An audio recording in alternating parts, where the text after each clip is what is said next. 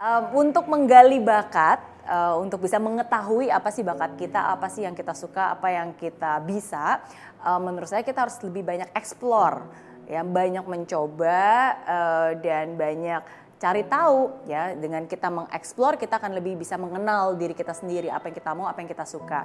Nah tapi untuk bisa mengasah menurut saya satu yaitu effort uh, kerja keras atau effort.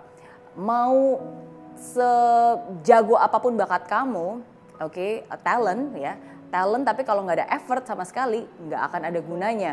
Oke, okay, justru talent dikali effort itu sama dengan skill. Jadi kalau kita sudah tahu apa bakat kita, kita effort berarti kita usaha, kita asah, kita latih terus, akhirnya bakat itu menjadi sebuah keahlian. Oke, dengan keahlian kita asah lagi, kita latih lagi, kita terampil lagi, dan akhirnya itu menjadi sebuah uh, excellence, bukan hanya keahlian ya, tapi uh, hal yang luar biasa yang bisa membawa kita sukses. Dan cara untuk bisa uh, usaha itu uh, adalah kalau saya baca satu buku itu satu hal yang sangat menginspirasi saya adalah 10,000 hour rules. Oke, jadi um, seberapa sering sih kita harus mengolah bakat kita untuk menjadi sesuatu yang luar biasa butuh waktu 10.000 jam untuk membawa kita dari biasa-biasa aja menjadi excellence. 10.000 jam itu berarti um, sekitar 3 jam setiap hari selama 10 tahun. Kalau kamu latihan terus 3 jam selama setiap hari selama 10 tahun, then you'll be excellence in that area.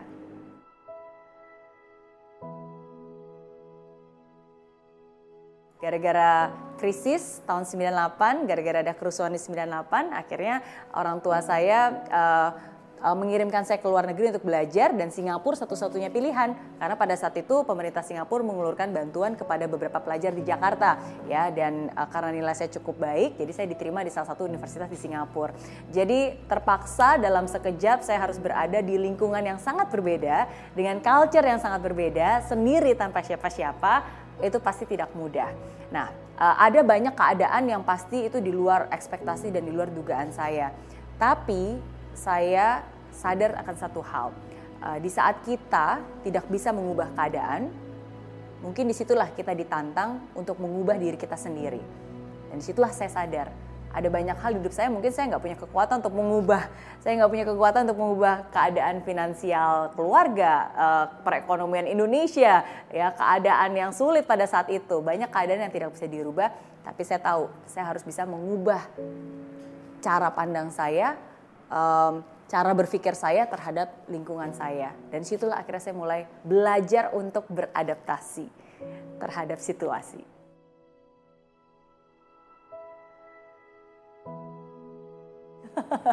takut itu kan sesuatu yang manusiawi ya. Uh, kadang kita takut um, supaya kita bisa berhati-hati. Uh, contohnya kita takut sakit, makanya kita menjaga kesehatan. Contohnya uh, kita takut uh, takut nggak lulus, makanya kita belajar mati-matian, bener kan? Jadi rasa takut itu selalu uh, ada baiknya. Dan kalau saya bisa bilang satu hal yang paling saya takuti dalam hidup sebenarnya um, bukan takut akan kematian ya karena banyak orang pasti bilang wah takut akan kematian tapi bagi saya saya bukan takut akan kematian tapi saya takut akan hidup yang saya sia-siakan itu sih ketakutan terbesar saya. Um, karena saya ingin suatu saat nanti ketika saya sudah dipanggil dengan yang di atas ya saya berharap saya bisa mempertanggungjawabkan uh, apa yang saya lakukan di sini. Saya berharap nilai rapor saya cukup gitu untuk membuat saya lulus. Dan itu yang sulit karena kan sekarang kita nggak tahu nih nilai rapot kita di hidup ini seperti apa. Tiba-tiba aja nanti terakhir kan. Cuma ya itu sih yang saya uh, harapkan untuk selalu memberikan yang terbaik dan tidak menyia-nyiakan kehidupan yang Tuhan berikan kepada saya sampai detik ini.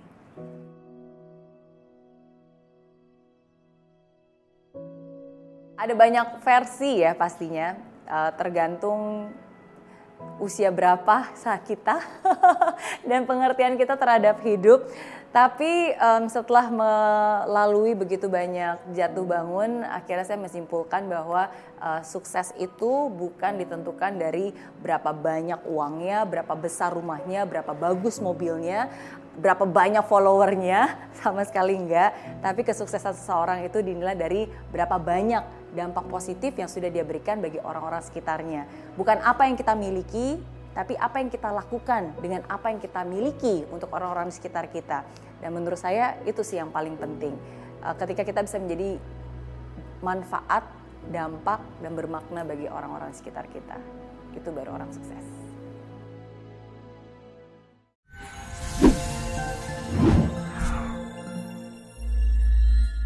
Aplikasi Mary Riana tersedia lengkap video-video YouTube terbaru saya, artikel yang up to date, post inspirasi, koleksi merchandise, workshop dan seminar yang bisa kamu dapatkan free dan download sekarang juga gratis.